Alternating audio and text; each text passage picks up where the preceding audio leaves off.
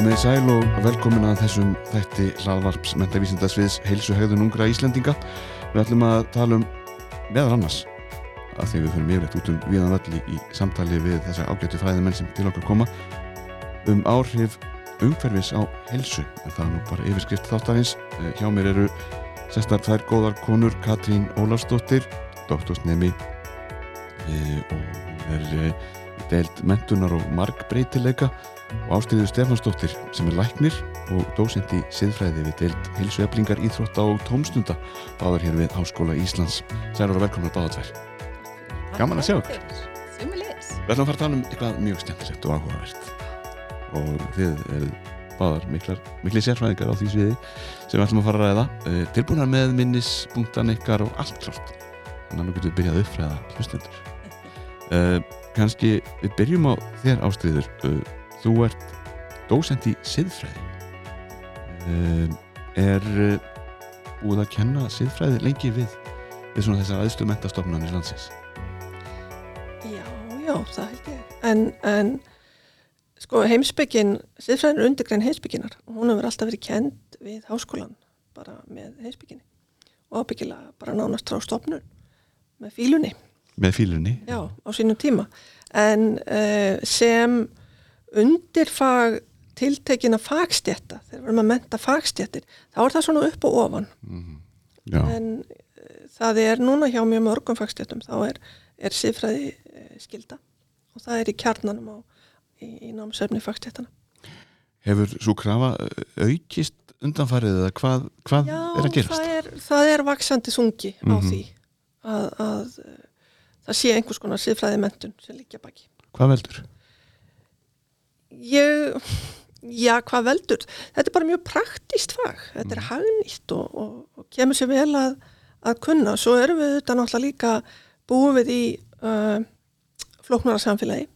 Hlutverkin okkar eru óljósari, meiri markbreytileiki í samfélaginu og meiri svona ástæða til þess að þekkja vel sitt hlutverk og, og fyrir hvað maður stendur og til hvers er ætlast, hvaða ábyrð og hvaða skildur hefur maður í starfi og svo framvegis og líka ekki síður að, að hafa svolítið næmi fyrir því uh, hvaða fólki maður er þjóna og þekkja aðstæður þess.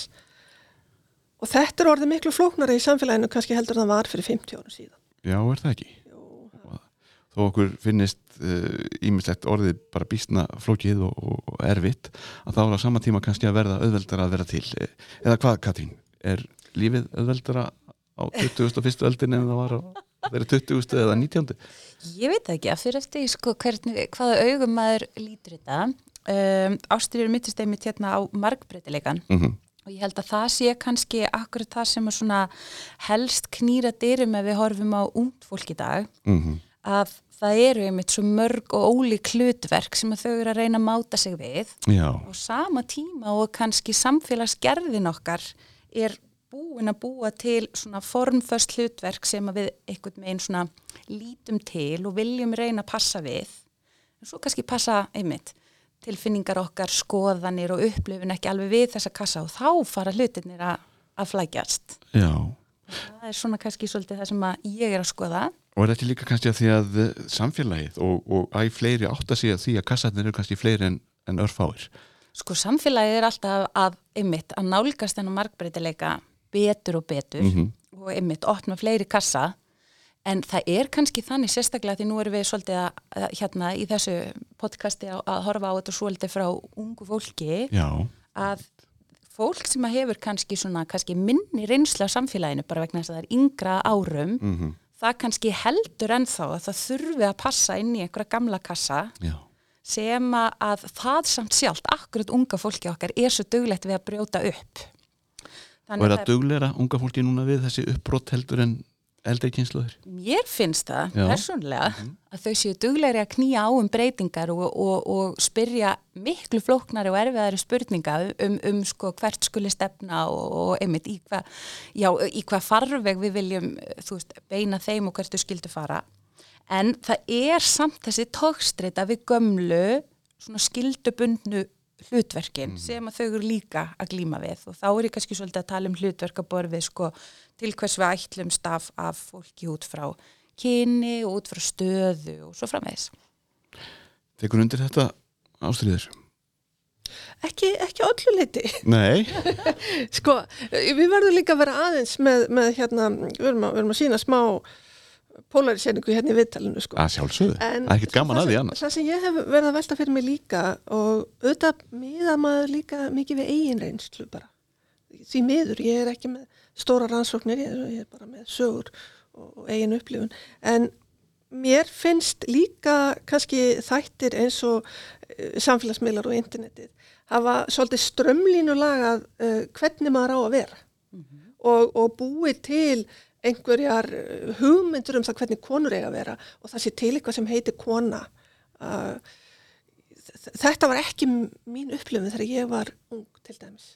Ég upplifði mig ekki sem milli gæsalappa einhver ægilega sterk kona sem þurfti að vera í fínu fötum. Mín ædol voru kallmenn og ég skammast mér ekkert fyrir að segja það. Það var bara það, þeir voru að gera flottar hluti og þeir voru með valdið og ég ætlaði sko að vera þannig líka. Og ég var ekki buguð af samfélagsmiðlunum um það hvernig ég ætti að líta út til dæmis. Og mér finnst að ég hafi haft miklu frels, meira frelsi heldur en margar konur í dag um það hvernig maður mátti klæða sig og átt að klæða sig. Þannig að, að ég ég er í dag fegin að hafa ekki alist upp eins og staðan er núna þrátt fyrir að ég hafi til dæmis ég uh, uh, hef skoðað mjög vel kvennabartuna og, og margt hefur áunist eins og kemur fram í þessari frábæri bók sem kom núna allavega konur kjósa sem er, er frábær svona sag og yfirlit yfir kvennabartuna en, og, og það er ofabáslega margt sem hefur áunist en það er líka ofsalega margt sem er orðið ofsalega erfitt sem, að, sem að var ekki til staðar það var ekkert mál að vera í gallabuxum og anorak allan minn uppvöxt.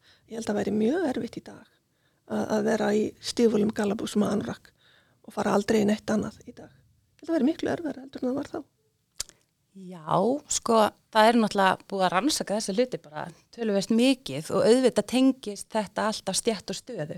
Þannig að það er alltaf svona, við getum alltaf litið okkar persónlegu reynslu og hún er, hún er einhver saga sem að virka fyrir okkur en svo þurfum við náttúrulega líka alltaf að setja þetta í félagslegt samhengi og það er náttúrulega alltaf mjög miservitt fyrir okkur að feta okkar eigin braut eftir því einmitt hver staða okkar er. Og ég sko sjálf elst ekki upp, sko er ekki komin í samfélagsmiðlar svona þegar ég er aðlast upp. En ég uppliði þrátt fyrir það til dæmis e, mikla pressu um að líta út ákveðin máta og haga mér ákveðin máta sem var ákveðin kassi sem ég fittaði aldrei inn í sem einmitt svona háða sem ung kona með sterkar skoðanir það var ekki alveg svona e, það sem átti svona upp á pallborðið í, í mínu umhverfi þá en að því sögðu er ég fullkomlega sammúla því að samfélagsmiðlar tröllur í það öllu í dag og uh, ungt fólk er náttúrulega mjög upptekið af þeim sko, hugmyndum sem að það er komið á framfæri og uh, eiga oft mjög erfitt með að svona kannski brjótast undan ákveðnum hugmyndum sem það er komið á framfæri. En hugmyndin eru miklu fleiri það eru miklu Já. fleiri ströymar í gangi. Þannig að, að jú, þetta er viss ég er vissulega til sammála ástri en svo er ég líka mjög ósamála þessu. Sem er bara gott, en, en e, vandin kannski með samfélagsmiðlana og bara internetið eins og að leggur sig er þessi, þessi algrím sem einhvern veginn er alltaf að sína okkur aftur það sama og sama og sama og þar með að, að íta undir okkar skoðun á því hver við erum og í hvað heimið við búum auðvitað veit ég að margir eru mjög klárir og, og gera það gamli sínu að leika á algrímin og leita upp í alls konar sem er öðruvísi en eh, er ekki pínlutur hætt á því að heimsmyndin verði svolítið ein, einföld Það er, Ef- það, það er mikil hætt á því og, og með, með hérna öll þessi gerfi greind og allt þetta sem að er að, að stýra því hvernig við hugsum þetta er, það er mjög mikil hætt á því þetta hafi áhrif á okkur. Við náttúrulega veljum okkur bergmálshelli og þar já. búum við. Veist, við, við, við eldum fólk á samfélagsmiðlum sem hefur svipaðar skoðanir og hugmyndir og við vegna þess að það er það sem við höfum áhuga á að lesa og sama tíma þá erum við þá ekki að heyra andstæðar skoðanir og sjónarmið. Við veljum þau í burtu og einmitt, algjörmurinn les þetta og veitir okkur frekari upplýsingar sem styrkja okkar skoðanir. Þannig að maður þarf einmitt að vera tölverk gaggrinin á það sem maður les til þess að finna orðið andstæð sjónar með sko ef þú ert bara að lesa þessar veitur, ef þú færið allar fréttina einar til dæmis í gegnum fjörsbókina eða Instagramið og ert ekki sjálfur að leita sko uppi fréttinnar og fréttasíðum, þá náttúrulega ertu farin að fá sko ansi einsleit skilaboð og aftur ef við tölum um, veist, aftur um, um það hvernig við eigum að hafa okkur og hvernig við eigum að vera að þá eldum við líka fólk sem að kannski við viljum líkjast. Já. þannig að það er líka það sko. Ég heyrði mitt áhugaverðan fyrirlestu fyrir nokkrum árum, þá kom inga til hans uh, prófessor í tónlist við, uh, held ég, Edinborgar háskóla. Og hann sagði, og það situr ennþá í mér, þetta er eina sem ég mann eftir úr þessum fyrirlestur utan hvað hann var skemmtilegur, að uh, það hefði verið svo holdt að neyðast til þess á, þegar hann var alast upp, hann var nú öruglega komin hátt á sjötugsaldur þegar þessi fyrirlestur var haldinn, neyðast til að hlusta á leiðilega tónlist í útvarpinu. Það var hann lært svo mikið á því. en núna neyðustu kannski ekki til að hlusta eða upplifa neitt sem okkur finnst sérstaklega leiðilegt. Við bara hendum okkur fram hjá því og vindum okkur í það skemmtilega. Akkurat, veljum okkur frá því Já. sem er kannski, það eru þetta ákveðin kostur en, en svo er þetta með gamli frasar eins og á misjöfnu þrýfast börnið best og allt það Já, þetta er líka með að vera bara svolítið upplýstur og vita hvað, hvað sko, náungin er að hugsa og, og, og, og pæla, sko, það skiptir máli. Já, og vita líka hvað manni finnst bara leiðilegt eða hvað þeir eru tögutan á manni Bara alveg eins og við erum alltaf að tala um það er holdt að leiðast, fólki Já. leiðist svo lítið þetta því það er svo stutt að sækja, sko, þú veist, alla, alla örfun og skemmtun, sko. Já, hún er alltaf innan seilingar við erum með hann í vasanum Við erum með hann í vasanum allan daginn, alltaf og, og unga fólki okkar náttúrulega fyrir náttúrulega síst var hlut af því, þau heldur betur. En við ætlum að ræða áhrif umhverfis á heilsu meðal annars og raunverulega allt í kringum okkur er umhverfi okkar. Það er allstaðar. Uh, Sakfræðingur ég, við, við nefndum það nú þegar við vorum að undirbúa þennan þátt uh, til dæmis varðandi það að það væri kannski skárra að vera uppi á 21. öldinni heldur þeirri 19., 18. eða 17. Það fyrir mikið lengra aftur í tíman. Uh, hvað, hvað segir læknirinn við því? Er, erum við búin við í hættu minna samfélagi nú en áður? Sko, út frá heilbrið og heilsu, þá held ég að sé tvimmælust betra að vera uppi í dag heldur en þá. Það held ég að sé ekki nokkur vafi. Mm -hmm. Við sjáum það bara á, á hérna, fæðingar og dánatíni og, og, og hérna, lifun fólks, sko. Það er almennt ábyggilega miklu heilsurhustara í dag. já, En við búum við annars konar ógnir heldur en kannski voru þá.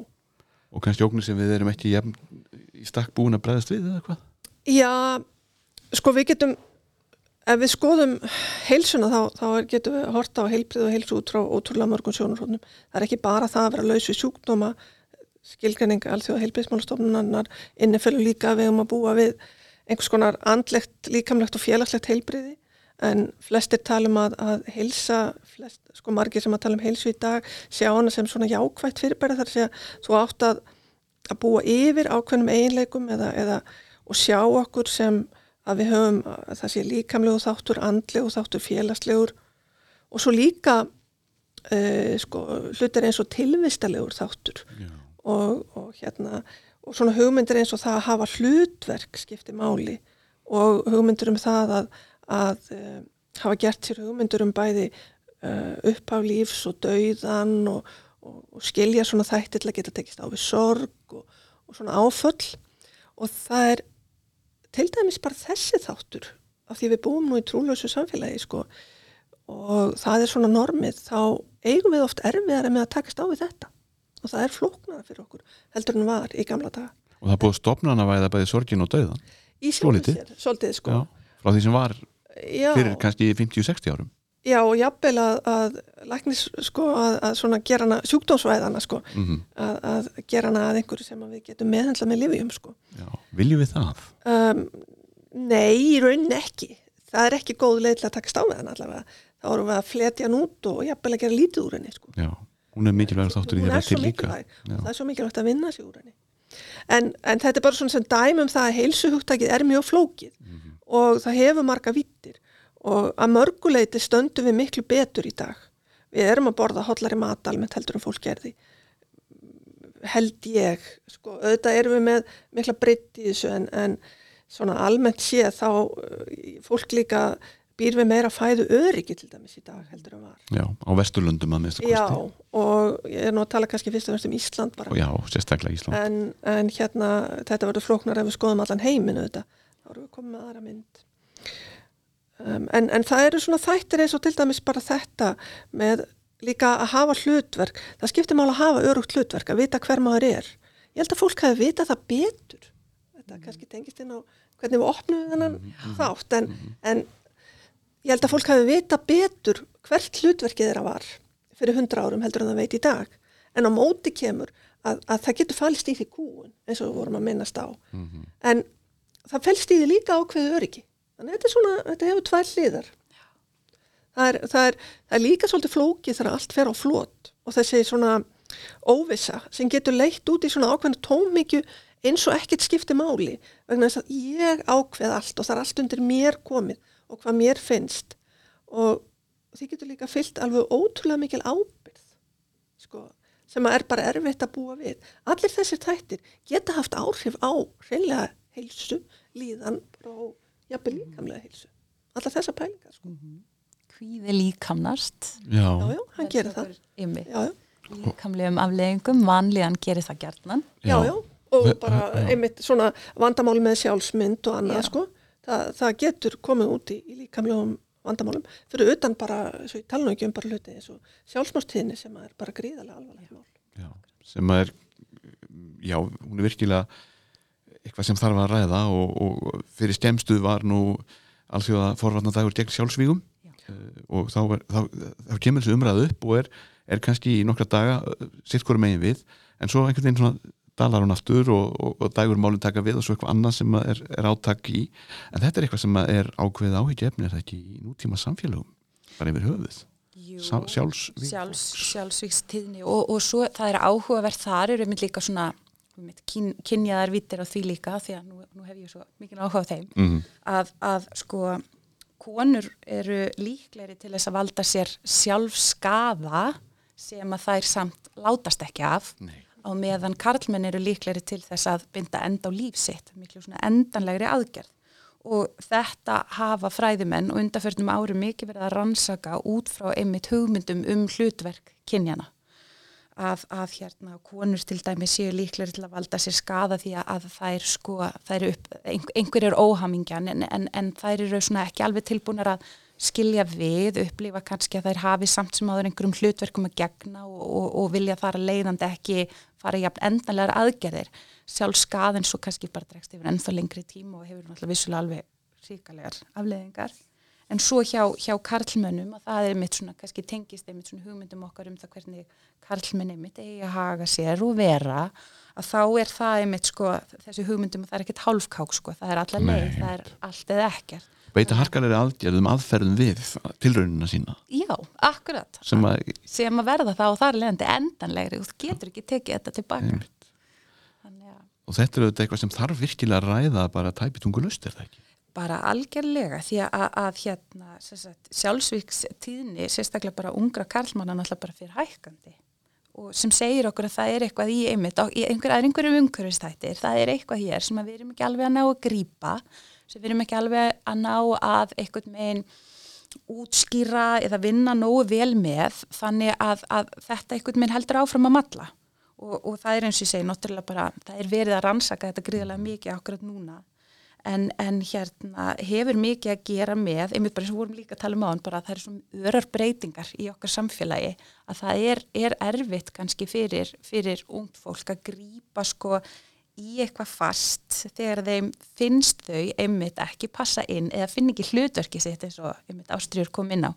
Að, að þeir finn ekki hlutverki, veit ekki hvað þau eiga að vera, sérstaklega unga fólki okkar, þá upplifa þau þessa vanlegan og, og, og því miður ef við erum ekki einmitt með nógu duglega í forvarnastarfin okkar, þá kannski veit þau ekki hvert þau að leita eftir að slíkar hugsanir sækja þeim og þá getur það að fara svona. og er þá ungir strákar, ungir kallmenn þá kannski ráðviltari en, en konunnar eða hva, hva, hvað er þetta að lesa í þetta?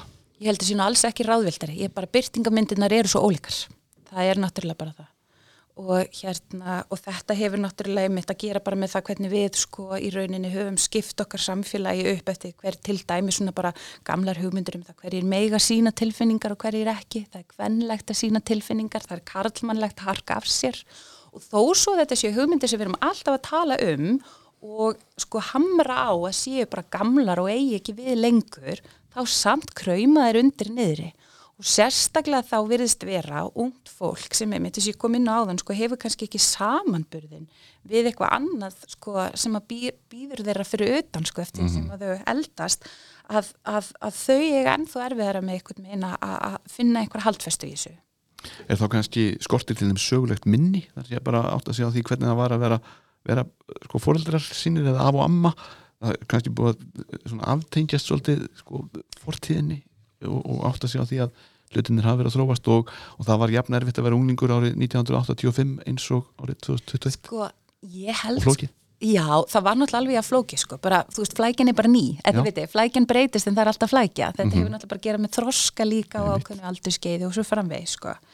Uh, en ég er ekki viss um að það gagnist okkur endilega í forvarnastarfi sko að, benda á að hlutinir hafi líka verið flóknir áður, nei. af því að þið veitir sko muni hvernig það var að vera, vera ung sko, vera bara 15-16 ára, eina sem skiptir máli er bara ég hér núna, af því það hefur líka bara að gera með þroska þessara barna, þannig að Það er alheimurinn Akkurat, og þannig við þurfum einhvern veginn að ná til þeirra og hérna, við þurfum að nálgast þessar sko, andlegu flækjur og, og félagslegu tilvist og breytingar þar einhvern veginn betur í skólastarfi og við þurfum að byrja miklu fyrr. Og það er kannski líka eitt, eitt sem er alltaf gott að koma inn á það er að þú veist, alls konar forvarnir bæði hvað tengist sko, einmitt, bara andleri hilsu uh, í tengslum við sko bara, þú veist, kynlíf, samskipti kynjana, veist, og almenna vanlíðan sem getur hlotist að þessu öllu, við erum svo ofta að koma svo seint inn að tala við unga fólki okkar, flækinu er svo stór og mikil og er erfitt að vefa utan á henni. En ef við byrjum miklu, miklu fyrr, ef við förum bara og tölum bara við þeim náttúrulega bara byrja strax að tala við litlu börnin okkur á leikskólanum um bara góð samskipti. Hluta því er bara að geta sagt frá, mér líður illa, mér líður illa af því að. mm Það þarf að þróa þennan hæfilega og æfa Finna tilfinninguna finna tilfinninguna akkurat og leifa sér að talma hana Já, svo er það. Eh, getur verið eh, ástríður að foreldra séu ég vel kannski var það alltaf en, en ég vel ennþá feimnar í dag við það að ræða erfiða hluti við börni sín en, en fyrir kynsluðir Ég hef ekki hugmyndið það. Nei, engar ansóknir til um svoleiðis Ég auðvitað. örglega, ég þekki það bara ekki. Hvernig, hvernig fóreldrar eru, en, en fóreldrar eru náttúrulega mjög misjafnir og það eru mjög margir fóreldrar sem eru mjög flinkir í þessu og hafa alltaf verið og eru í dag, sko. Og uh, hérna, ég þekki líka börn sem að hafa sagt og þau vilja ekki að þessi hluti séu rættir í skólanum, þau ræða þetta heimi á sér. Já. Þeim finnst þetta að vera engamál og þeim finnst skólanum ekki koma þessi máli við. Þetta er öll sem ég hef líka heyrt, hún er aðtilsverð já, og, og skólinn er sem sagt public en ekki private og þetta sé private umræða og hún er að fara fram með hann vekja heimilisins en, en þetta er ekki kannski rödd sem er vinsælinn í skólakerfinu. Og, og svo eru þetta fjöldin allir af, af heimilum þar sem þetta er ekkit ávarpa sko. akkurat, þannig að við myndum hlusta á of private, þá náttúrulega myndum mjög margir fara á mis við umræðina en ég bara segja að þetta er, þetta er alltaf svolítið erfitt mál vegna að þetta eru viðkvæm umræðefni og uh, börn hafa mismunandi tengingar við skólan og mismunandi upplifun á honum. Mhm. og, og sömu vilja ekki hleypa skólanum allt og nálagt sér tilfinningarlega Nei. Ef ég má orða það þannig sko. Já. og, og skólinn er ekki milli gæsilappa trúnaðavinur þeirra heldur staðill að læra á Mhm. og þe- þetta er kannski eh, þannig að er allir mögulegu gangur á þessu öruglega En skólinn er líka kannski líka þegar við tölum um sko þarna skóla þá erum við alltaf að tala um skó, yfirleitt skólan og frístundina svona, þú veist, þetta saminast og, og það er náttúrulega eitt sem er gert svolítið vel e, orðið hér á Íslandi. Við stöndum okkur virkilega vel í. Það er sko frístundastarfið okkar og hvað frístundastarfið er farið að tengjast vel inn í skólan. Þannig að það eru margir fletir á því sko til dæmis hvernig við getum nálgast flókin málefni í umræðu. Og svo kannski líka, ég er alveg sammála því sko uh, að við ættu við að, að uh, einstaklingurinn þarf náttúrulega að hafa eitthvað val um það sko uh, hvað við erum að, að, að, í rauninni kannski, hvað segja, hvernig, hvaða fræðsla er að koma og hvað þú ert tilbúin að, að gefa inn í, inn í þá umræðu hverju sinni en að ver bjóða upp á aðgengilega fræðslu fyrir alla um viðkvæm málefni er náttúrulega gríðarlega mikilvægt því að það hafa aftur að því vorum að tala um áðan um stjætt og stöðu og þetta það er svo rosalega mikil, misjamt sko aðgengið sem að við höfum að þessum upplýsingum. Og yfirleitt er nú til dæmis eins og í svona kynfræðslu og kynjafræðikennslu og annað alltaf bóðið upp og til dæmis valmöguleikan sko að, að, að hlusta og ekki deila og jafnvel yfirgefa stofuna ef umræðu efnið er, er of erfitt og svo framvið sko. Þannig að það er alltaf, sko, starfsfólkið okkar er líka vel þjálfað í að taka þessu umræðu. Það er segja fólki sem að vinnur með líka fræðsli sko. Þannig að, en nú nýlega fór að bera á einhverju hugtæki sem er eiginlega svolítið nýtt í, í, íslensku samfélagi skusti, það talaði um svona bómullar uppbeldi, það er alltaf verið að venda börnin, unglingana, unga fólkið frá alls konar áföllum sem að ljóst sé að þau einu kortið er eftir að upplifa einhver tíman á efinni e, hvaða, hvaða skoðan hafið þið á því ef við byrjum á, á lækninum ástriðir? Það hlýtur að vera, það getur ekki verið jákvægt sko. Það, það er náttúrulega gríðarlega mikilvægt að fá tækifæri til þess að, að gera mistök, tækifæri til þess að, að frá að prófa og fá að þróskast. Mm -hmm. það er, það er, Og ég vel þurfa að lenda í einhverju? Sko, það, það er, jú upp á vissu marki er gott að lenda í einhverju og geta leist úr því. Það sem er, er vond, það er að maður lendir í alvarlegum áföllum sem skilji eftir öður. Mm -hmm. Um, það er aldrei neinum til góðs en, en hóflega áföll eru held ég bara til góðs að, að, og að, að sérstaklega að fá tækifærlega að leysa úr því og aðstóð til þess að vinna Mhm. úr því og uh, takast á við það og klára það ég held að það sé mjög mikilvægt fyrir bara sjálfsmyndina þess að komast í gegnum sko Ertu þið sammála því? Já, ég er það.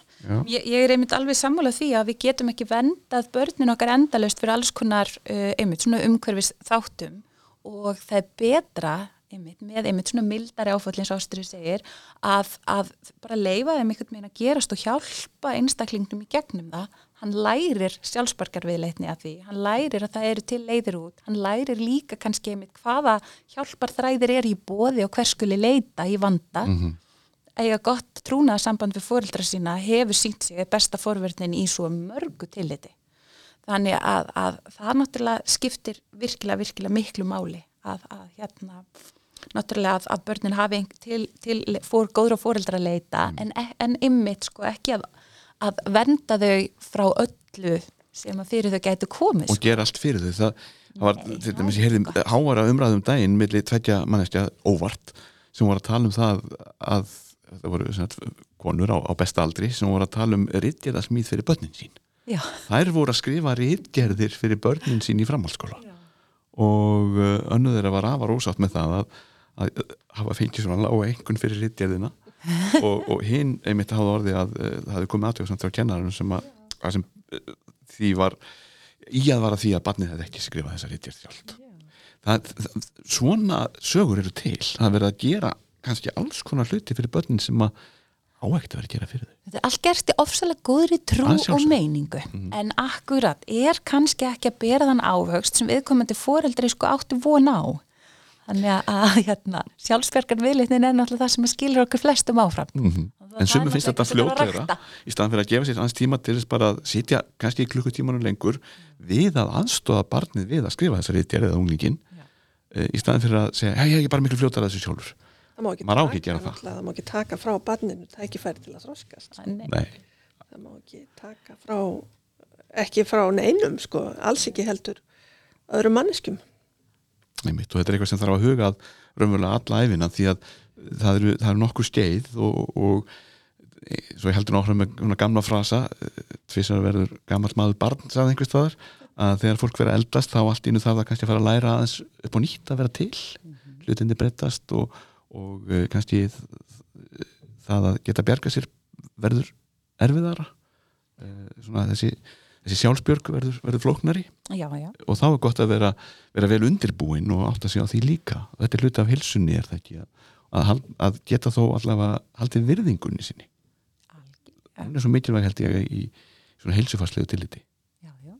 Virðing náttúrulega bara einmitt í, í samskiptum fólks og, og bara fyrir sjálfum sér vinnuframlægi annari og svo framvegis. Þetta er náttúrulega bara svona eina grunnstóðum svona, hvað ég var að segja, grunnstóðunum í okkar samfélagi í dag. Þetta er það sem við erum öll alltaf að kalla eftir og þegar þetta brestur þá einmitt líka segjum við frá sko.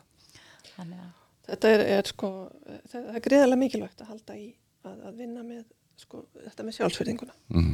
og við sjáum þetta ef við erum að hugsa um heilsu til dæmis þá sjáum við þetta svo vel ef við skoðum hópa í samfélaginu sem eru jaðarsettir og njóta ekki kannski eh, eða samfélagið er sífælt að svona ósjálfrátt, kannski ómeðvita að senda þeim þau skilaboð að þau sé ekki jafn verðmættir einstaklingar í þessu samfélagi eins og sumur aðrir og þetta getur átt við til dæmis um einflýtjendur, falla fólk finnir fyrir þessu líka, það er stundu talað um jafnvel ör áreiti, þá fær fólk einhvers konar svona neikvæð skilabóð hverjum einasta deg. Það er trappa inn á kaffehúsi, þannig ég kemst ekki með vinum mínum inn á kaffehúsi af því ég er í hjólastól. Tvei myndu setna þá gerist eitthvað annað.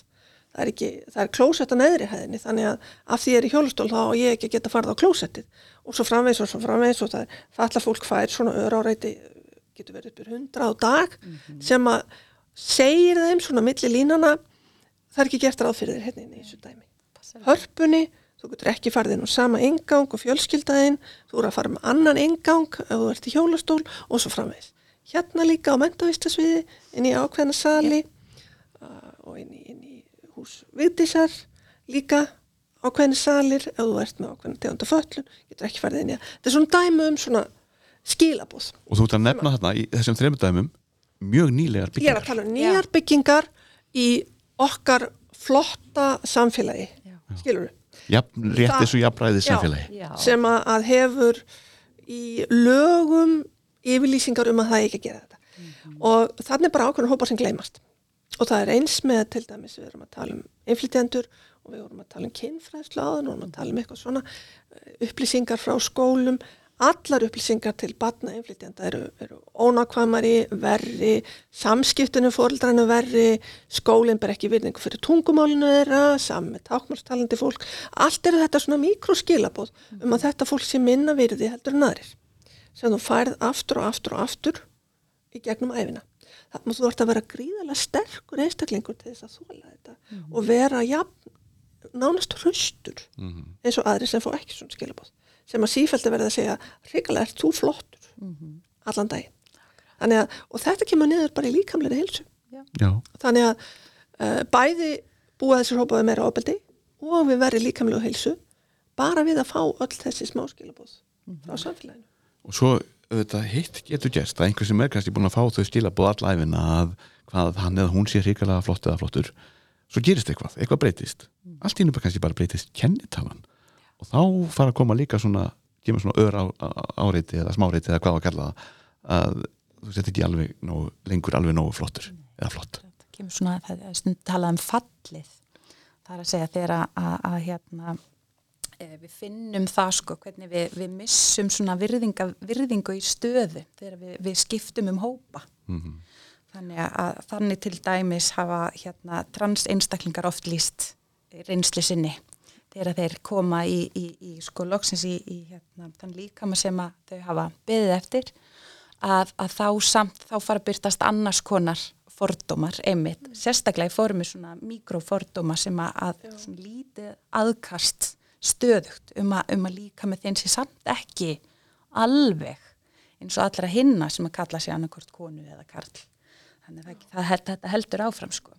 Og þetta er mjög áhugavert þetta, í, sko, þetta út, út frá svona jafnbrettis hugmyndum vegna þess að það er alltaf verið að segja okkur að Ísland sé best í heimi í jafnbretti þið veitir, við erum hérna mælumst með minnsta kynjabilið, hvað er hún komin í 12 ári í röðu eða eitthvað held ég núna og, og hérna inn í þessar mælingar er ekki eru ekki teknir hlutir eins og til dæmis þessi öráriði sem ástriðu nefnist. Það er litið fram hjá alls konar málefnum í tengslum við, við hérna, föllun, við hérna, sem að tengjast innflytjendum og sem að tengjast ofbeldi og allir þessi hlutir þeir eru bara einfallega ekki reiknaðir inn í þetta líkan. Þannig að þetta svona slær reiki í augun á okkur fær okkur til þess að trúa því raunverulega hér sé bara allt fullkomi við þurfum ekkert að vinna í að, að laga þetta misrætti sem að beinist að þessum jáðarsettu hópum.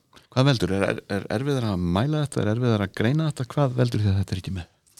Sko, sumt af þessu er erfiðar að mæla. Það er náttúrulega vissulega þannig.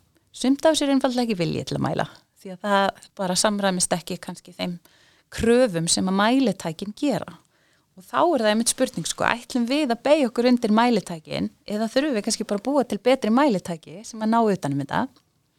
Um, í þessum hérna uh, kynjabilsmælingum til dæmis þar eru alls konar tölur sem að hægt væri að bæta inn í en kannski ekki vilji til að þessum alltíðastofnunum sem að taka þessar tölur saman til þess að líta á þær, þær eru flóknar og erfiðar að greina og svo framvegs en margt af þessu er vissilega flókið að, að, að mæla sko en við höfum svo skýr dæmi, bara eins og ástriður er að nefna hérna sem í hús viðdís að þetta er hluti af Háskóla Íslands og það er náttúrulega bara skammarlegt að það sé ekki hæft öllum sem við skólan stundan á.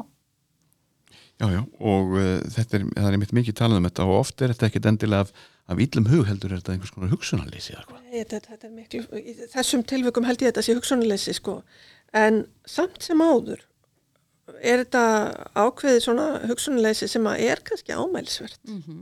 Það má kannski orða það þannig, en ég held að sé ekki einbættu brotavíli. Sko. Nei, en gera samt ekki reglunar ráð fyrir einmitt aðgengi fyrir alla í, í ofinbærum byggingum til dæmis? Sko það á að vera þannig samkvæmt byggingarreglugjörð að við höfum aðgengi fyrir alla. En það er bara mjög flóki, við, það er talað um fyrirbæri sem heitir algilt hönnun mm -hmm. og þá er, er það þannig að, að, að umhverfi okkar, okkar manngerða umhverfi, við reynum að hanna þannig að það veiti sem flestum sem best aðgengi vegna að þetta er bara réttlætsmál af aðgengi að gæðum lífsins. Og, þannig að þetta er, þetta er varðar til dæmis byggingar, húsbyggingar en þetta getur líka verið bara það að geta farið gangandi eða hjólustól út í búð. Já. þannig að, að þetta, þetta er miklu, þetta er líka bara hönnun borgarskipulags og svo framvegis. Bara verið með í samfélaginu, alveg bara, sama já, hvað það heitir. og, og þetta varðar bara fullgilda þáttöku annað atriði sem er kannski minna talaði menn skiptir alveg gríðarlega miklu máli fyrir marga hópa á, á mismunandi hátt, það er til dæmis klósett mm -hmm. og hvernig þú skipur löku klósettmál. Og, og þetta snýrað snýra að transfólki þetta snýra að hérna, líka bara uh, konum og köllum mm. og, og kannski konum. Uh, ég ætla að tala um það betur eftir. Og þetta snýra fölluðu fólki, það er bara hvernig útbyggð klósett og klósett aðstöð og þá komum við að því að það geta verið það getur verið flókið að þjónu öllum stundum. Við getum verið með mikla kröfu í byggingunni um að við megum ekki hafa marga fermetru undir klósett.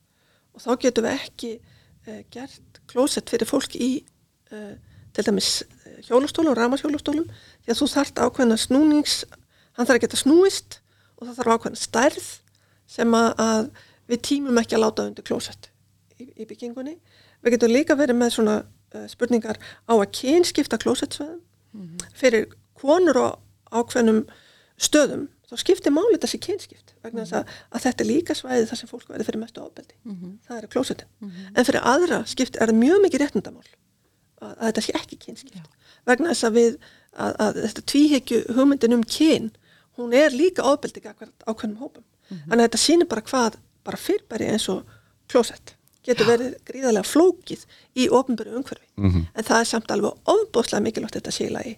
Við erum með herri tíðni af uh, fyrrbærim eins og hjá börnum eins og magaverkjum svakfæriskíkingum, hægðatröflunum allt út af því að klósettmál í skólum er ekki lægi bara svo ég tengi þetta aftur við heilsu. Já og þetta kemur fram hjá fölluðu fólki líka. Það neyta sér um að drekka og færi verður jafnvel þurft og getur farið í fengið nýrnaskemdir út af því að það vil komast hjá því að það er að fara á klósett í ofnbjörn rými af því það er ekki gert ráð fyrir. Þannig að einmitt eitt svona lítið en mjög mikilvægt atriði verður, getur orðið mjög flókið Þetta getur orðið mjög flókið, já. og getur jáfnvel breytt lífið fólks. En þarna erum við með þetta sem heitir algilt hönnun. Mm -hmm. og það bara sér bara svið, fræðasvið sem að, að vinnur með það að hanna okkar manngjörðu umhverfi þannig að við opnum aðgang fólks að samfélaginu. Og við sagt, þegar við erum að hanna byggingar eins og Háskóli Íslands erum að hanna byggingar þá áður að vera sérstokk umræða um algjölda hönnun bara á hönnunar í hönnunarferlinu og, og þá að vera bara tjekklisti og þá að vera rætt og skoðað.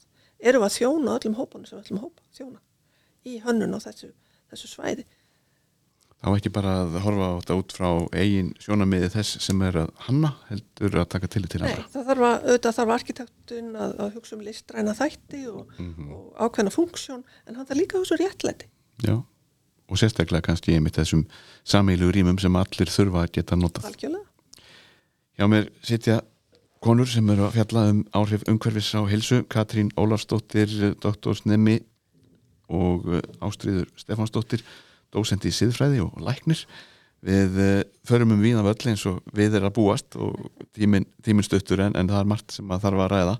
Eh, við höfum verið að tala mitt um þessa mikilvæg, mikilvæg þess að fólk hafi aðgangað hinnu og þessu í samfélaginu geti komist á salefni geti farið á inn í fyrirlestrarsali eða, eða í kvikmyndahús inn í strætó uh, og alls konar en svo er það hitt með hvernig í rauninni má tryggja það að umhverfið og uh, það að vera til sé svona nokkurn veginn örugt það að geta gengið niður lögavein eða um í kringluna þess að verða fyrir einhvers konar árás mm. það er sem betur verið yfirleitt þannig að við sleppum Já. en það getur alveg komið fyrir að, að eitthvað hendi og, og tala um þegar að stýtja tekur og fólk er komið í miðborginna eða á öldurhús einhvers þær í útkvörfum þá verða atbyrði sem geta haft stelvilega afleðingar uh, hvaða hvað, hvaða skoðanir hefur fólk til dæmis eins og þú dóttósnefnin og, og siðfræðingurinn á, á nætulífinu uh, þetta, er, þetta, er, þetta er hættulegt svæði og fólk breytist allt í hennu sko, hver hæða sér öðruvísi en, en hverstags þetta, er þetta er mjög hérna Uh, áhugavert, sko, heilsvers vandamál þar að segja ofbeldi og kynbundi ofbeldi sem þú kannski erst að vísa til að, að, að í sambandi við næturlíf. En sko tengis líka bara skemmtana lífi almennt. En sko það sem mér finnst svo áhugavert einmitt í, í því sambandi er einmitt þessar hugmyndir sem við höfum um það að ofbeldi gerist frekar uh, í tengslum við sko myrkur. Mm -hmm eða ókunnugt fólk eða eitthvað slikt því að ef við erum að tala um til dæmis bara svona, eh, þú veist eins og til dæmis bara nöðganir þá er það þannig að, að þólendur nöðgana þekki yfirleitt sinn geranda. Þetta er ekki ókunnu um aður nöðganir gerast yfirleitt í heimahúsi. Mm -hmm. yfirleitt annarkvært heima hjá þólanda eða geranda. Þannig að þetta er ekki að gerast inn á skemmtistæðinum vissulega gerist líka eins og inn á salernum á, á, á, hérna, á það til að gerast líka en, en svona flest, veist, sko, flest svona ofbeldi á sér staði heimahúsum og þólandi og gerandi þekkjast. Þannig að það er til dæmis, þetta er svona einn mýta mm -hmm. að þetta gerist frekar í skjóli nætur eða í tengslum við kannski félagslíf. Það eru aðrar aðstæðir sem að þar spila inn sem að kannski eru frekar í svona faktor í þessu og það er kannski bara einfallega það að fólk er drukkið mm -hmm. eða undir einhvers konar áhrifum sem að getur haft sko annars vegar það í för með sér að einhverjir hérna uh, geta kannski, eða þú veist, einhverjum eru byrjlið einhvers konar liv þá náttúrulega veit viðkomandi ekkert við hverju á búast, hann vissi náttúrulega ekki af, af intöku livjana og það er að leiðandi náttúrulega getur kannski lítið líti gert, en þar er einhver gerandi, það er einhver sem ákveður að gera þetta, ákveður að byrjla þér, þér liv mm -hmm. þannig að, að þarna þarf, þú veist þarf náttúrulega að vera einhver sko hugur um að, um að einhver ætla að brjóta af sér. Það er hins vegar ekkit raunin með flest svona, þú veist, kynferðis ofbeldi. Það er kynferð, mjög gjarnan er þetta eitthvað sem að gerist svona, hvað ég var að segja, uh, þetta hefur byggir á því að fólk einmitt talar ekki saman um hvaða vill í kynlifi, það talar ekki saman um það hvort að samþykis er raunverulega fyrir hendi.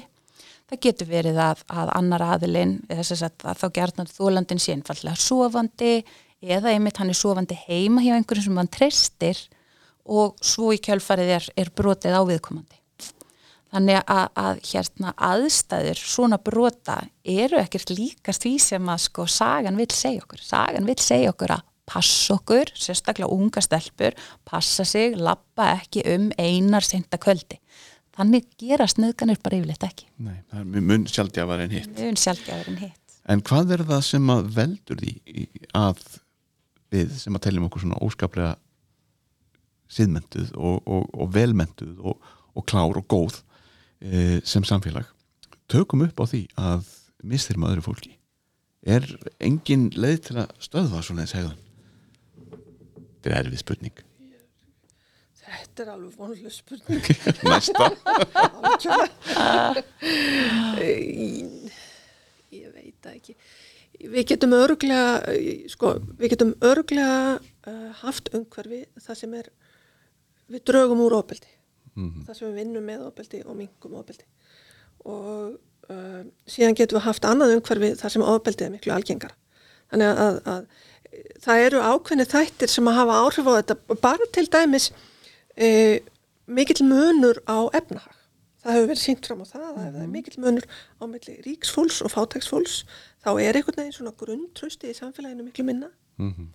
og uh, þá er miklu meira, ofbeldi er eitt af því sem að það eru alls konar heilsufarsbreytur sem breytast við þetta sem að eru slæmar, þetta eru slæm heilsufars áhrif bæð og rík og fátæka en eina af þessum breytum er ofbeldi. Það eikst ofbeldi. Þetta er svona dæmum það bara hvað getur aukið ofbeldi, það aukst neist, neistla líka.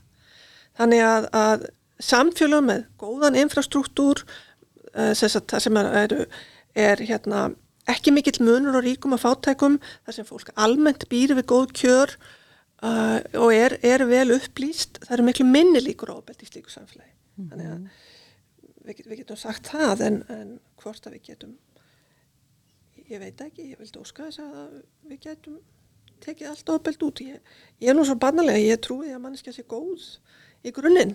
Já, það, það, Það bara held ég fallegt. trúi á líka. góða sko. Þannig að, að hérna ég held að sé gott í öllu fólki og ég trúi á því að fólk getur breyst og, og, og hérna En er það ekki líka mál? Einmitt, við verðum að trúa því að fólk getur breyst. Við verðum að trúa því að fólk í grunninn ætla sér ekki að meiða. Það er afskapla, afskapla, afskapla sjaldgæft. Einhver vilji Já. raunverulega meiða. Þetta er yfirleitt, það er einhverju tilfinningar sem að, að svona hlaupa með fólk að stað. Það getur verið reyði og, og ef við búum við það sem er mikil reyði, svona almenn undirliggjandi reyði, skilningsleysi, kúun, kúaður hópar og svona. Og, og það, þá er, það er líka, sko, við vorum að tala um innflytjendur og falla fólk áðan, það er eins og að verði veiðileifi á ákveðna hópa, bara eins og er að hafa minna manngildi og þá má frekar ráðast á það og við þekkjum þetta líka með úr, úr umræðinni með homo lesbjur, ég vonu að það sé búið núna en, en það er kannski ekkit búið. Aðrir hópar sem að núna er veiðilefi á sem að má ekki tala um og allir vera samþykja, það er allmis feitt fólk. Þannig að við erum með svona stigmatiseringu og við erum með svona stimplun á ákveðna hópa uh, þar sem að, að við svona, það er afsakanlegra að beita það ofbeldi og ráðast á það. En Og- auðvitað er þetta allt bara manneskjur eins og, eins og ég og þú með óskjur og þrár og, og, og langanir og Og það, mað- að því að nefndur nú samfélagsmiðlana áðan líka og, og jável eh, það má eh, nefna þessi aðtjóðsenda kerfi sumra fjölmiðla að þar sér maður stundum óskaplega ljóta hluti. Og uh, það er ekki bara verið að tala um þessu hópa sem að þú nefnir heldur líka um stjórnmálamenn, fólk í fjölmiðlum þessar svo kallu áhrifavalda uh, fólk í stjæmtariðinaðum, íþróttamenn uh, það einhvern veginn eins og sé alltaf bara leifilegt að láta alls konar orð Ég held Ljót þe- orð þetta er, falla. þetta er dæmi held ég um hættulegt sko, hættulegan jarðveg að, að hafa svona orðræðu uh, því að það einhvern veginn svona gefur afsökun fyrir því að beita fólk ofbeldi sem að er talað svona illa um ofbeldi. og það eikst alltaf eða sem, sagt, já, svona eiginlega ónæmið fyrir því að þetta sé ljótt mingar eftir því sem þetta verður algengar eða hvað. Já, Ótrúlega að fólk er tilbúið að taka undir alls konar sko, orð. já, já. Það er alltaf nafnlindin kannski líka sko, þú veist á samfélagsmiðlum, hún já. gerir alls konar hluti auðveldar, það er auðveldar að segja hluti á bakvið skjá heldur en þú veist beint svona augliti til auglitis við einstakling, leifið er meira. Sko nafnlendin getur verið góð til þess að tjá eitthvað sem fólk þólir ekki að, að, að, þólir ekki að segja og, og, og varna þöggun og, og einhvern svoleiðis. En, en á móti kemur þetta að, að þetta getur líka verið skjól til þess að beita ofbeldi. Og svo verðast alltaf færri og færri einhvern veginn leggji það að rísa upp á móti öllu bullinu. E, maður sér, ég meina sér sko, og ég feirt fræðimenn segja að það er verið að halda fram ímsu sem er bara ekki rétt jafnvel um, um, um fólk eða um hlutverk stjórnmálamanna eða, eða af hverju fólk er, er þéttvaksið eða alls konar. Og það fer enginn inn í það að, að reyna að leiðrétta af því að vegna þessa ég, vil, ég vil óta eða svona beig við það að fá bara sömu yfirhalninguna sjálfur. Já, við sjálf. sjáum bara með, með það, það eru, við erum með einstaklingar sem hafa verið óbúslega hugrækir og hafa verið rattir og, og svona baráttu andlit fyrir einmitt þessa hópa sem við höfum verið að nefna. Og, og þetta fólk það hefur þurft að sæta gríðalegu ofbeldi vegna þess að það hefur stíið fram og tala og við, við eigum að vera þakklátt þessu fólki fyrir að hafa sagt hlutina tæpitunglaust Við erum líka með, með mörg dæmi um þá hérna alls konar aktivista sem er reynlega að fara í sko svona ég veit ekki hvað góða íslenska orðið er yfir sko burnout. Já, í rauninni bara í sínum aktivisma það er að segja bara tilfinningarlega þá bara klárast þreki því andófið er svo mikið Nákvæmlega. og það er persónlegt og það er rætið.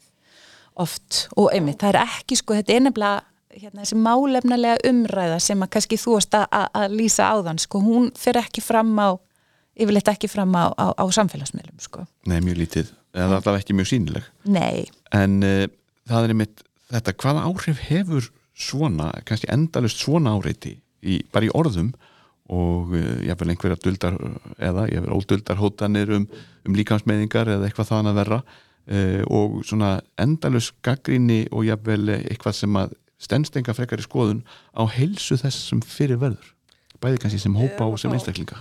Sko, fleiri og fleiri rannsóknir í dag sem er að sína fram á bara tengslinn þarna á milli.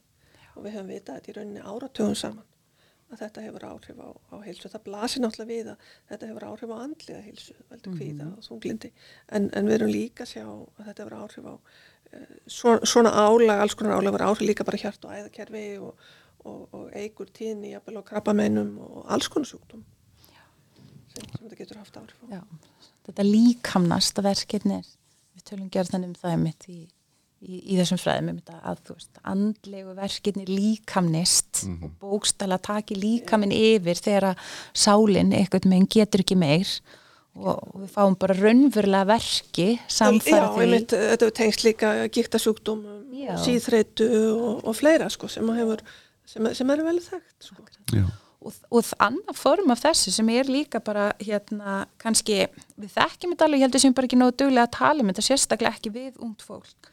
Að það er einmitt sko þetta stöðuga áreiti sem að einstaklingar verða fyrir kannski út af hérna sinni jáðarsetningu eða út frá uh, bara kyni eða kynvitund eða öðru að, að hérna uh, þetta veldur vanlíðan hjá þessu unga fólki sem fyrir þessu verður. Til dæmis í formi þess að þau, þau get ekki sofið, þau get ekki einbeitt sér. Þau fara að standa sér verri í skólanum og svo framvegist, þannig að við erum líka að sjá bara sko hjá mjög ungu fólki mjög alvarlegar afleðingar af slíku andlegu álægi og í skólunum þá kannski byrstist þetta sko þetta, þetta einmitt öðráreiti líka svo vorum að tala um aðeins í sambandi við fatlafólk og, og, og innflytundur og annað að, ef við snúum sem þetta á unga fólkin okkar við erum náttúrulega með fatlað ungt fólk og við erum með, með ungt fólk af, af erlendum uppruna og svo erum við náttúrulega bara með fólk af, af öllum kynjum og öllum kynheiðum og, og þau verða fyrir gríðarlegu öðráreiti í skólanum Líka feitt fólk. feitt algjörlega, takk fyrir Það er sennilega þess að hópur sem er stærstur og verður fyrir mestu áreiti. bara algjörlega, takk fyrir, það er bara frábær punktur af því að, að, einmitt sérstaklega í skólakerfinu þar sem við erum með ungt fólk sem er mjög upptekið af einhverjum staðalmyndum um það hvernig við eigum að líta út, hvernig við eigum að hegða okkur hvernig við eigum að gyrnast við hvernig við eigum að tala og svo framvegis og þetta tekur á sig alls konar myndir í skólanum sem við þurfum að vera miklu, miklu dugleira að uppræta til þess að þetta komi í veg fyrir sko ennþá verra börnátt eitthvað tímann setna og þá er ég að tala um eins og til dæmi sko að hérna kynferðislegt einelti drusliskömmun sem að stúlkur verða fyrir uh, alls konar kynferðislegt áreiti sem að bæði hérna, eða sagt sem fólk á öllum kynjum getur uh, orði fyrir. Fytuskömmun uh, sagt, og, og hérna fatlaðir einstaklingar verða náttúrulega stöðut fyrir aðkasti fyrir að vera ekki veist, með, með, með líkama sem að samræmist hugmyndum okkar um hinn eðlilega líkama og svo framvegis. Þetta, þetta einaldi þetta er að byrja strax hjá bara í grunnskólan að því að krakkan eru strax alltaf byrjuð að miða við sko hverjir líta út eins og ég og hverjir gera það ekki. Þannig að þetta er eitthvað sem við getum grepið ef við erum að tala um einmitt sko svona heilsu hegðun og hvernig við getum kannski bætt þú veist líf okkar, við getum grepið þetta mjög snemma með einmitt frekari umræðu og vitundavakningu um það hvað fjölbreytilegi mannkins er orðin mikill og, og að allir eigi skili sinnsess til þess einmitt að, að forðast það að lenda í bæði andlegu niðurbroti og svo einmitt líkamlegu niðurbroti. Þannig að, að, að hérna, þetta veldur líka bara félagsleiri einangrun útskúfun, fólk dettur gerðan út úr skóla og svo framvegis, þannig að þetta er náttúrulega greiðlega skalega áhrif bara fyrir samfélagið all þurfum einhvern veginn að sem samfélaga sammælist um það að það sé bara allt í lagi að við séum ekki öll alveg eins. Bara við erum alls konar. Og það bara hlýtur að vera í lagi. Og líka bara smá hlutir eh, kannski ekki smá hlutir en sko, börn og unglingar eru til dæmis ekki jafn góð í öllu. Sem eru kannski frábæri í að smíða eða spila fótbolta eða, eða svo er aðeins góður í starfræði eða ensku eða, sögu eða einhverju. Og, og það þarf einhvern veginn að umfaðma þennan fjölbreytileika er það ekki líka í, í bæði skólakerfinu sem fóreldrar og sem samfélag. Jú, algjörlega. Og við þurfum einhvern megin að vera gaggrinni á þessi sko handrit sem við erum búin að skrifa fyrir okkar samfélag. Við erum náttúrulega, þú veist, það er stundum talað um, um það að það sé í rauninni búið að skrifa sko hérna tvö, tvö handrit, annaði fyrir konur og heiti fyrir karla. Og þetta handrit, þú getur sko sett þetta bara, heimfært þetta á allt lífið bara frá því að þú bara fæðist og hvaða leikfeng þú ætti að leika er með hvaða starf er æskilegt að þú veljið er og svo framvegis. Og, og það er rosalega erfitt að brjótast undan handritinu og við höfum mismikinn kjark og, og, og dug til þess. En það tengist til líka ymmið hvaða hjálp við fáum bæði sko heima hjá okkur og hérna í kerfinu. Og snýst náttúrulega fyrst og fremst um sko virðingu og kærleika sko mm. að hérna byrja virðingu fyrir öll Já og bæði mismunandi líkumum og mismunandi skoðunum og jafnveg lífskoðunum Akkurat. Þannig að það er auðvitað pínutið flókið Já, en það er pínutið flókið að vera til. Það er það, og, já, já, já. og, og það tekur það enginn frá okkur. Við, eins og við nefndum nú áðan og þið að það má ekki kannski taka þessi litla áföll að fólki og, og það þarf stundum að gangi gegnum ímislegt til þess að bara læra hvernig ábreyðast við því næst. En, en eh, svona hvernig finnst ykkur svona áður en við látum þessu lokið í, í dag hvernig finnst ykkur svona framtíðin lítið út í þessu? Er við, er við einhverstað rétti leið eða, eða hefur okkur borið af? Hvað, hvað segir þú ástriður hvernig líst þér á framtíðina í þessum efnum sem við erum búin að ræða hér? Ég vona að við séum á réttri leið.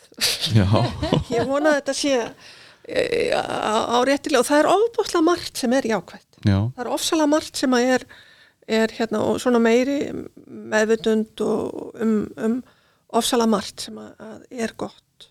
en það er svo lítið út að breyða til að því bara linni eða, eða við snúum bara aftur til annars vegar Já, það, það, það þarf það og sko ef við reynum að skoða aftur heilsu mm -hmm. og hérna tengi þetta svolítið við heilsu um, þá held ég að það sé ofsalega mikilvægt á ef við horfum bara næsta áratug af því að þú veist að beða maður að horfa fram í tíman við höfum ekki tíma það er ekki nógu upplugt verkfæri að, að byggja hvern og einn um að haga sér almennilega til þess að vera heilsurustur.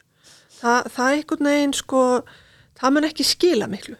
Hey. ef við ætlum að vera svolítið effektív í þessu þá verðum við að hugsa þetta pólitist ég ætla bara að segja það beint út. Já. og þetta snýra að svo mörg og þetta snýra loftlagsmálum þau eru gríðarlega mikið heilsufassa atriði, loftlagsmálin og bara að, að hérna e- e- einn alvarlegasta heilsufass ógnun hjá okkur er loftmengun í dag, það er eitt af stórum málunum. Og það er alveg sem að hve- hvernig ég hegða mér, ég breyti því ekkert.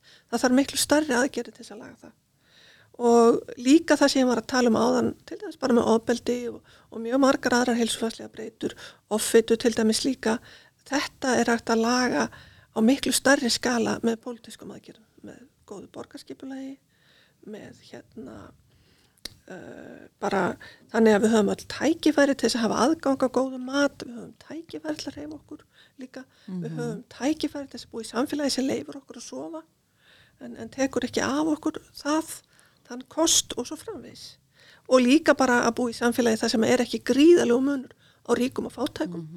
Allt þetta og svo annað sem að hú talar um sem til dæmis eitt af mikilvægastu þáttunum til að efla heilsu, það er að hafa ekki stríð. Já. Já, og það hefur mikið áhrif á lofslagsmálin líka. Það hefur líka Já. áhrif á það. Þannig að það eru þessi stóru þættir sem að hafa langmest áhrif á heilsu og um, ef við erum að horfa tíu ár fram í tíman það er til ofbáslega mikið af ofsalega flottu, sérstaklega ungu fólki núna sem að ég hef alveg ofsalega mikla trú á. Um, og hérna fólk líka bara alveg upp í minnaldur er, er margt miklu meðvitaðara heldur en fólk var. En til að gera stóra hluti þurfum við að vinna það á pólitískun skala. Það er Og- ég alveg samfærðum og ekki láta döga að tala heldur líka að gera. Ekki láta þau að tala heldur að gera og það er ekki nóg að byggja mig um að haga mér almennilega eða hegða mér almennilega. Það verður að taka miklu miklu stærri skref. Og breyta það- umhverfunu miklu meira radikal hátt. En ég gerir ráð fyrir þú sem samt ekki að segja að við eigum ekki hefða okkur almennilega. Jú, við höfum næja okkur alveg Já, nákvæmlega. Er þetta ekki þetta einstaklingsvæða ekki samfélagslegan vanda? Kerfið vill svo oft einstaklingsvæða. Já, það vil fyrra sér Æ, pólitískri ábyrgð og færa, færa vanda niður á, á persónulega svið. Akkurat til þess að þurfi ekki að Til gera þessar stóru erfiðu breytingar. ekki ekki, en sko málið er bara það að ef við ætlum að ná raunverulegum árangri og það er bara, og nú segi ég bara svo við erum búin að marg oft segja, það búin marg sína það og sanna með rannsóknum en, en það er eina leiðin til þess að gera þetta Auðvitað. Það, það er ekki hægt hvert og eitt okkar. Við erum of lítil. Við getum, við getum svona reynd að lifa okkar eigið líf af ábyrð og auðvitað eigum við að gera það. Já. en til þess að gera stóru breytingarnar þá þurfum við að gera það á stórum skala. Akkurat. og þannig að uh, fólk er svona almennt tilbúið að samþykja það og vera með eða hvað? Það er ekki, ekki sko valdbóð ofan sem að fólk er ekki tilbúið að taka þátt í það virkar kannski ekki. Ég vona að það þurfa ekki að taka valdbóða ofan. Nei, en, en hérna fræðsla er yfirleitt samt ekki nú það er bara, það er bara hérna hefur sínt sig að fræðsla er ekki nú við erum eitthvað svo fljótt að gleyma. Það kemur eitthvað annað sem tröflar Að okkur. þetta er, þetta er Já. flókið verkefni ég hef engar fixlausnir en þetta eru bara stór mál og það þarf að taka djarfar ákvarðanir. Og við erum ofbúðslega háðið núna að við höfum stjórnmálamenn og við höfum stórfyrirtæki líka sem að hafi kjark til þess að taka réttar ákvarðanir. Í öllum þessu sem hún nefndir og örglega miklu fleira. Hvað segirðu? í þessu sem hún nefndir og örglega einhverju miklu fleira sem að þarf þarf að taka eh, mjög, mjög eh, ákveðnar og, og, og já, vel aldrei var ríkar ákvarðanir sem geta verið erfiðar til að byrja með. Það geta verið það. Það er oft erfitt að breyta. Hvað segir þú um framtíðina, Katrín?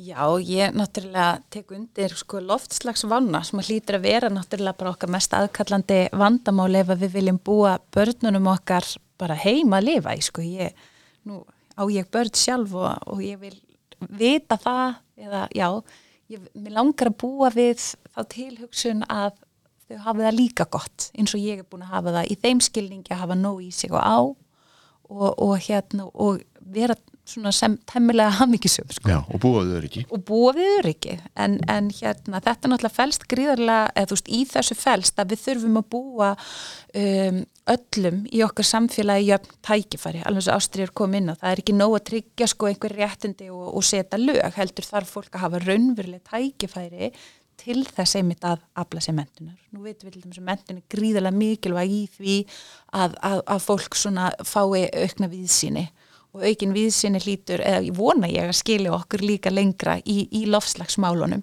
og ég held líka að það sé að gerast núna því hún nefnir nú menturinn að það sé að verða hugafarsbreyting þar sé að ungt fólk bara fara og læri það sem það langar til að læra en ekki fara í tannlæknin eins og, eins og pappi eða, eða, eða lögfræðin eins og mamma það er mjög mikilvægt að hafa tannlækna Já, já, maður að lifandi sé, en sko- ekki allir geta verið tannlæknar Nei, ég held að sé alveg, sko, alveg rétt hjá þér að það eru fleiri sem að sjá fleiri möguleika heldur en bara akkurat það sem að, að sko, mamma og pappi gera. Það held ég sé alveg rétt. En svo er líka annað ef við erum að hugsa um mitt, sko, mentun og breytingar í okkar samfélagi til lengri tíma að samfélagi okkar er að breytast svo gríðarlega rætt. Það hefur bæði að gera með tæknu þróun og hefur að gera með lofslagsvána líka að við vitum ekkert fyrir hvað við erum að undirbúa börnin okkar í dag. Nei, þau er að fara að alast upp í heimi sem gjör ólíkur okkar. Þannig að það sem við þurfum líka að leggja gríðalega áherslu á er víðsýni og gaggrinin hugsun. Því að þau verða og ég held að sé þetta mikilvægast sem við getum gefið þeim það er að vera gaggrinin á þær upplýsingar sem að þau lesa og kunna að leita að upplýsingum. Og verið svolítið hugrakkur, þóra að segja ef að manni mislíkar eitthvað. Akkurat, án þess að hraun yfir akkurat, það, það er virðingin sko. ég, ég að virðingu get tjáð mig að því ég veit það að þú hefur það og þá virðingu fyrir mér að hlusta og þannig erum við með líka efla sko gaggrinin samskipti þannig að þetta svona helst allt í, í hendur sko Þa- Þannig finnst mér einmitt ungt fólk vera að standa sér mjög vel í Akkurat, dag, já. almennt. Þau eru kannski flinkari í bori í líðræði samfélagi heldur en fyrir 50 árum, fólk fyrir 50 árum, kannski. Já. vonandi, Vonandi. Eh, við vonum bara að framtíðin sé björt uh, og það snýst auðvitað allt um það að, að halda góðri heilsu, bæði sem einstaklingar og sem samfélag. Já. og við erum búin að fara hér um, um viðan völl í dag og hefðum örglega getað haldið áfram í klukkutími við bót og aldrei að vita nema að veri bara hóað í ykkur aftur. Og það vera óskaplega gaman að að ræða þessi mál við ykkur og ég vissum að það eru margir sem er að hlusta á okkur sem segja að býta af hverju spurðan ekki að þessu, af hverju töluðu það ekki um þetta? En þá bara gerum við það næst. Svo marst ósagt sko. það er oftast þannig miklu fleira ósagt heldur en sagt var. Sérstaklega þegar tíminn er svona knappur. En það var frábært að fá okkur í heimsókn bara svona áður í kveð ykkur, bara alveg í blá lokin. Einhver loka orð ástriður Ég, ekki nema bara það að ég hef ofsalega mikla trú á ungu fólki og framtíðinni. það eru góð stílabóð inn í, inn í, inn í framtíðina. Já, ég, bara, ég, held, ég er alltaf að tala um samskiptu og virðingu. Mér finnst þetta, ég held þetta sé bara svona mikið leiðarstef inn í, inn í, inn í uh, betri framtíð. Við að, að hérna, virða náungan og vanda okkur í samskiptum. Við leysum svo margan vanda þannig. Lott loka orð hjá okkur báðum kæra þakki fyrir að koma í heilsu hegðun ungra Íslandinga hlaðvarp mentavísindasviðs Katrín Ólastóttir, doktorsnemi og Ástriður Stefansdóttir, dósent í siðfræði og læknir Við kveðjum í dag og uh, hvetjum ykkur til að, hlusta á aðra þætti í hlaðvarpinu sömulegð sem verður orðinir bísnamarkir og aldrei að vita nema að það verði eitthvað framhald á þessu. En við kveðjum í dag, við þið sæl